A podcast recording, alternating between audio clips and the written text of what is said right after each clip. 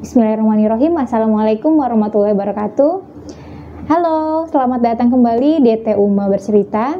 Uh, sebelumnya aku mengucapkan terima kasih nih buat teman-teman yang sudah nonton video perdana aku ya kemarin uh, dan sudah mendukung aku dengan melakukan like, subscribe dan juga men-share video ini sehingga teman-teman bisa ikut uh, menyebarkannya dan membuat teman-teman yang lain juga ikut nonton.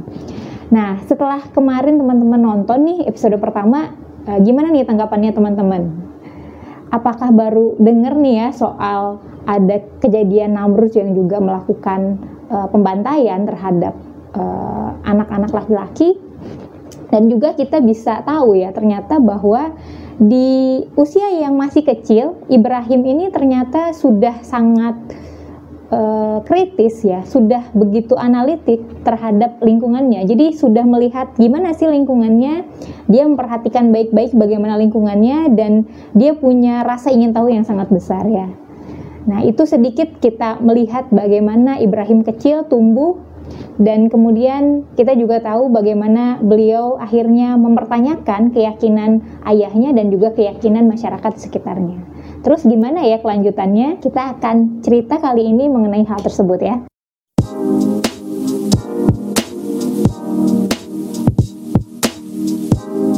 Nah, jadi setelah Ibrahim yang berumur tujuh tahun pada saat itu uh, bertanya kepada ayahnya gitu ya dengan mengatakan bahwa uh, ayah apa ini? Lalu ayahnya menjawab, ya ini adalah berhala, patung yang aku pahat ini adalah yang kita sembah seperti itu. Kemudian dia bertanya lagi, bukankah dia tidak bisa mendengar? Bukankah dia tidak bisa melihat? Gitu.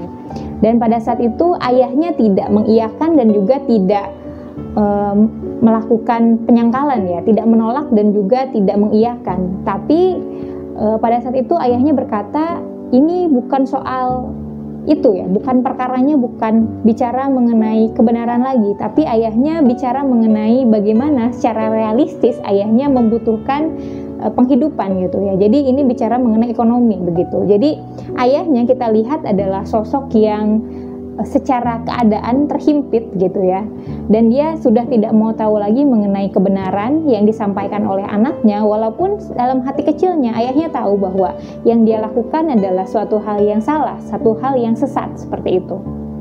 Nah maka Ibrahim yang berumur tujuh tahun ini kemudian eh, apa ya dengan argumentasinya tadi bertanya juga kepada masyarakat yang ada pada saat itu dan dengan pertanyaan yang sama apakah berhala-berhala ini dapat melihat? Apakah berhala-berhala ini dapat mendengar?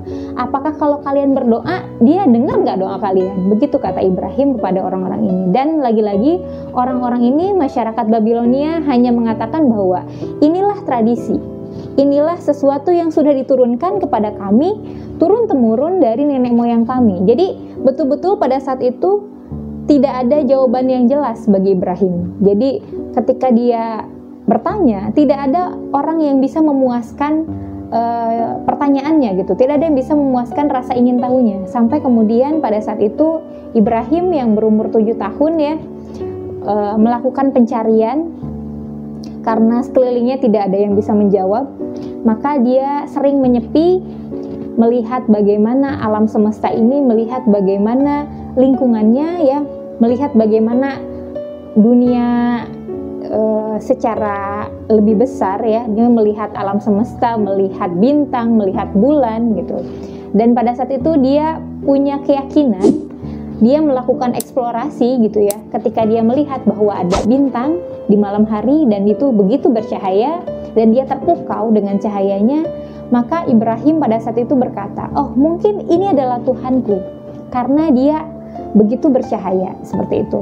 Namun ketika dia melihat bahwa bintang-bintang ini pudar ketika ada bulan, nah Ibrahim kemudian berkata, "Aku tidak akan uh, beriman kepada sesuatu yang itu pudar, sesuatu yang itu hilang." Lalu dia melihat bulan. Oh, mungkin ini yang akan menjadi Tuhanku. Begitu kata Ibrahim. Namun, dia kembali kecewa ketika melihat bahwa bulan ini ternyata sama fananya gitu. Ketika bulan ini ternyata harus menghilang saat matahari muncul di pagi hari. Maka dia kemudian memiliki kesimpulan yang lain. Oh, berarti bulan ini bukanlah Tuhan, karena aku tidak akan mau beriman kepada sesuatu yang itu tidak muncul ketika aku butuh seperti itu. Maka masa sih gitu ya kata Ibrahim, masa sih dia harus nunggu malam dulu untuk mau berdoa begitu. Makanya dia kemudian punya kesimpulan yang lain bahwa oh mungkin matahari yang ini adalah Tuhannya. Namun pada saat itu ketika dia melihat bahwa matahari juga kemudian akan tenggelam di sore hari, dia merenung dan berkata bahwa ternyata ada yang lebih besar dibandingkan bintang, bulan, dan matahari. Ada yang lebih besar dibandingkan manusia itu sendiri. Dan pada saat itu dia betul-betul yakin bahwa ada satu, satu pencipta, ada satu zat yang itu lebih besar dari segalanya, yang itu menciptakan semuanya dan menciptakan awal mulanya seperti itu. Jadi kita bayangkan anak tujuh tahun terus menerus berpikir gitu ya, sehingga dia pada kesimpulan yang final yaitu bahwa dia meyakini ada sesuatu yang lebih besar dari segalanya yang dia pernah lihat. Dan dia yakin itu adalah yang Maha Esa, dia adalah yang Maha Kuasa, seperti itu. Nah, jadi kita bisa melihat perjalanan panjang dari Ibrahim yang begitu muda, dia sudah uh, melihat lingkungannya, dia sudah bertanya-tanya, dia bertanya kepada masyarakat, dia bertanya kepada orang tuanya. Tidak ada yang bisa menjawab pertanyaannya, maka dia melakukan uh, kontemplasi, dia melakukan refleksi gitu ya. Sampai dia menemukan jawabannya dan dia yakin dengan jawabannya itu. Nah, hari berganti ya, dia sudah menjadi sosok yang muda, pemuda, yang ganteng, yang gagah gitu. Dan dia masih membantu orang tuanya, masih membantu ayahnya untuk uh, menjual belikan si patung-patungnya itu gitu ya. Dan setiap kali ayahnya meminta dia untuk menjual di menjual patung ini ke pasar, dia selalu mengatakan di pasar itu menjajakannya dengan hal yang lucu ya menurut saya karena dia berkata seperti ini e, kalian belilah patung-patung yang sudah kami pahat dengan begitu cantik katanya gitu ya. Patung-patung ini yang tidak bisa menolong kalian patung-patung ini yang tidak bisa mendengar kalian patung-patung ini yang buta terhadap kalian patung-patung ini yang tidak bisa menolong diri mereka sendiri gitu. Jadi cara dia menjajakan jualannya memang apa ya kayak nggak niat gitu ya kayak nggak niat jualan gitu. Dan ini menjadi buah bibir gitu ya menjadi perbincangan orang-orang gitu. Sehingga semua orang tahu kalau ada orang yang nggak suka dengan berhala kalau ada orang yang nggak suka dengan patung itu pasti Ibrahim begitu saking kelihatan banget gitu ya betapa dia begitu keras gitu ya betapa dia begitu uh, melawan terhadap apa yang menjadi tradisi pada saat itu. Tapi orang-orang sudah tidak mau tahu ya ya udahlah biarin aja gitu. Yang penting kita tidak terganggu dengan Ibrahim. Nah sampai pada satu kondisi pada saat itu ada festival besar yang diadakan di kota gitu. Dan pada saat itu orang-orang pada pergi kepada festival itu dan meninggalkan kuil, meninggalkan kuil yang biasanya itu e, mereka datangi untuk mereka sembahyang seperti itu. Pada saat itu Ibrahim e, ditanya atau diajak gitu ya, ayo ikutan festival gitu. Tapi Ibrahim pada saat itu menolak dan dia berbohong dengan mengatakan bahwa aku nggak mau, aku nggak mau ikut, aku lagi sakit katanya seperti itu. Dan uh, para tafsir mengatakan ini merupakan satu kebohongan dari Ibrahim gitu ya, dari tiga kebohongan yang pernah dilakukannya. Jadi seumur hidup Ibrahim, Ibrahim alaihissalam hanya pernah berbohong tiga kali dalam hidupnya. Yang pertama adalah pada saat dia diajak untuk ikut festival dan dia mengatakan bahwa dia sakit.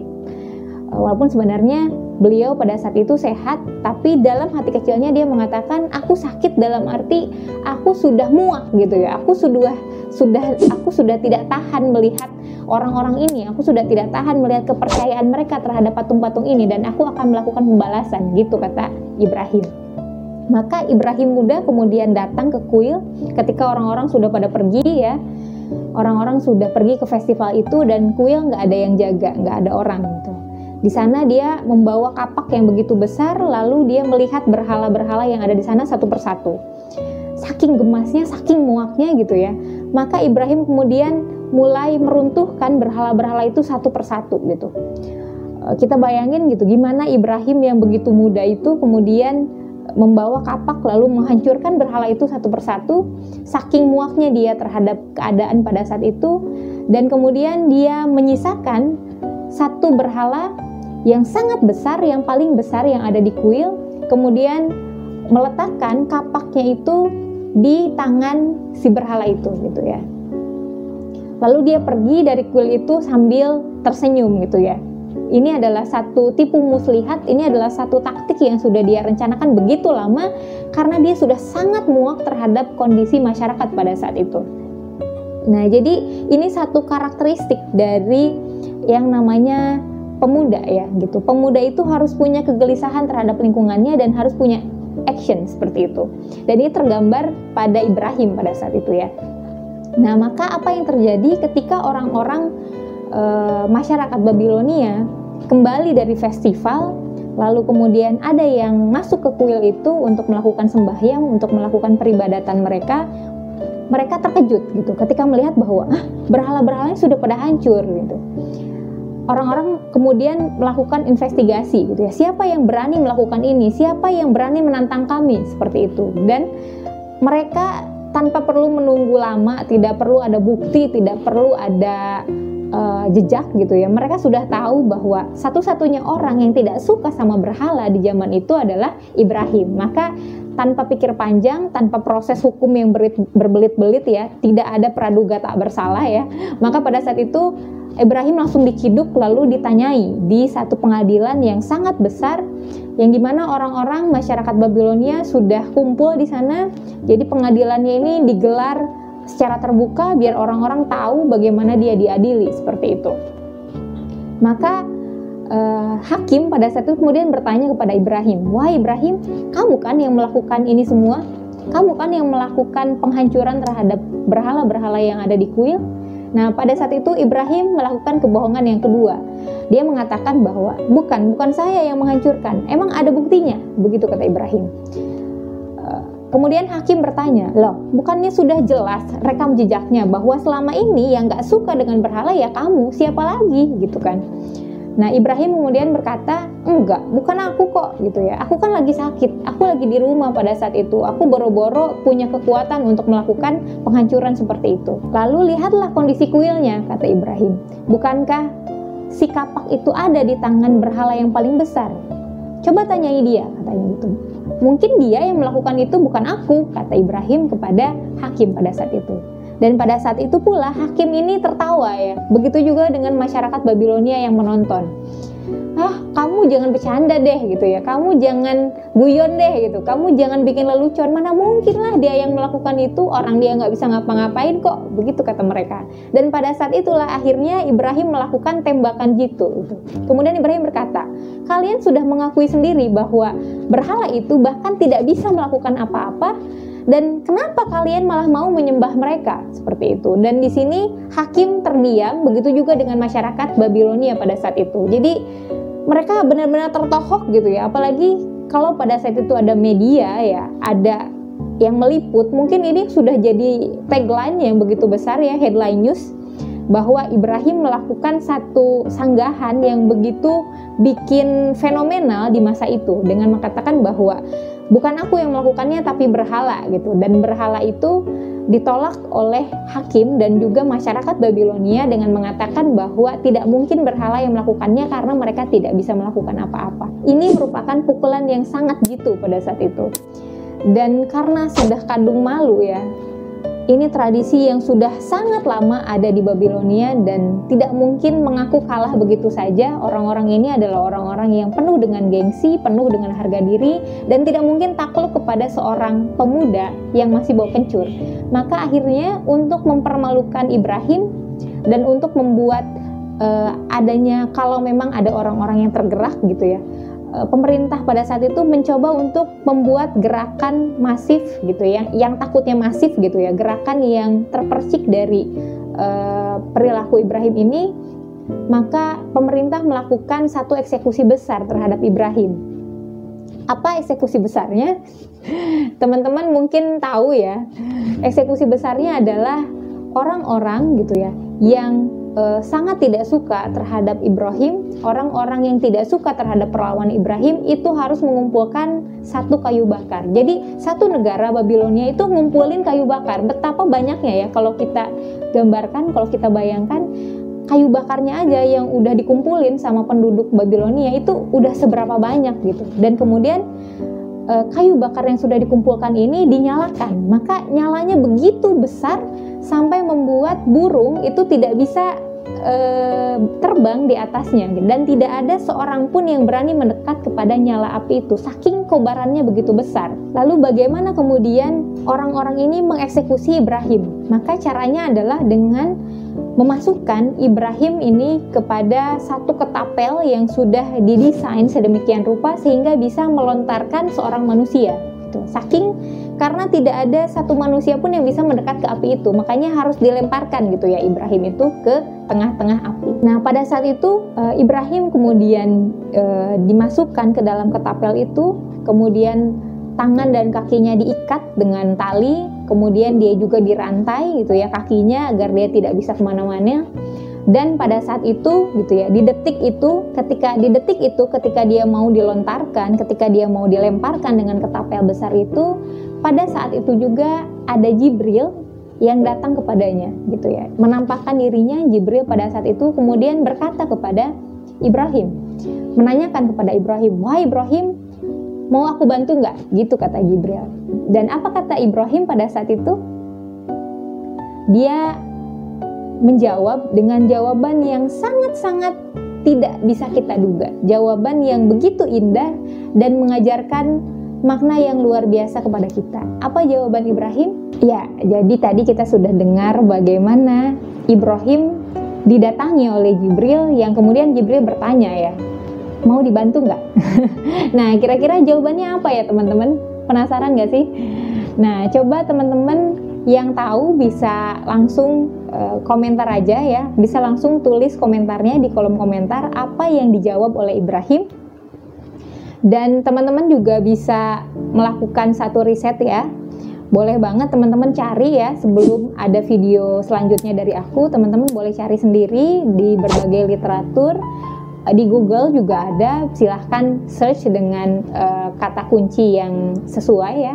Dan aku harap gitu ya dengan uh, melihat video tadi teman-teman jadi tertrigger terstimulus untuk belajar ya. Karena uh, pembelajaran paling bagus pembelajaran paling ngena adalah ketika teman-teman mencari sendiri gitu. Dan setiap video aku itu akan mencantumkan sumber yang artinya teman-teman akan bisa cek juga di sumber itu dan bisa baca juga atau bisa nonton juga karena memang uh, aku sumbernya itu pertama dari baca jurnal, yang kedua adalah dari uh, YouTube juga gitu ya, dari video juga. Nah, aku sangat suka dengan Yakin Institute. Nah, teman-teman bisa lihat juga di situ bagaimana uh, pada saat itu banyak banget ya video-video di sana yang itu menjelaskan juga mengenai bagaimana keutamaan dan betapa luar biasanya Ibrahim. Semoga teman-teman suka ya dengan cerita kali ini, penasaran juga dan teman-teman bisa bantu aku dengan melakukan like, subscribe dan juga share video ini ke teman-teman yang lain ya. Semoga menikmati dan saatnya kita ngomongin sejarah seasik kita nonton film. Terima kasih. Wassalamualaikum warahmatullahi wabarakatuh. Dadah.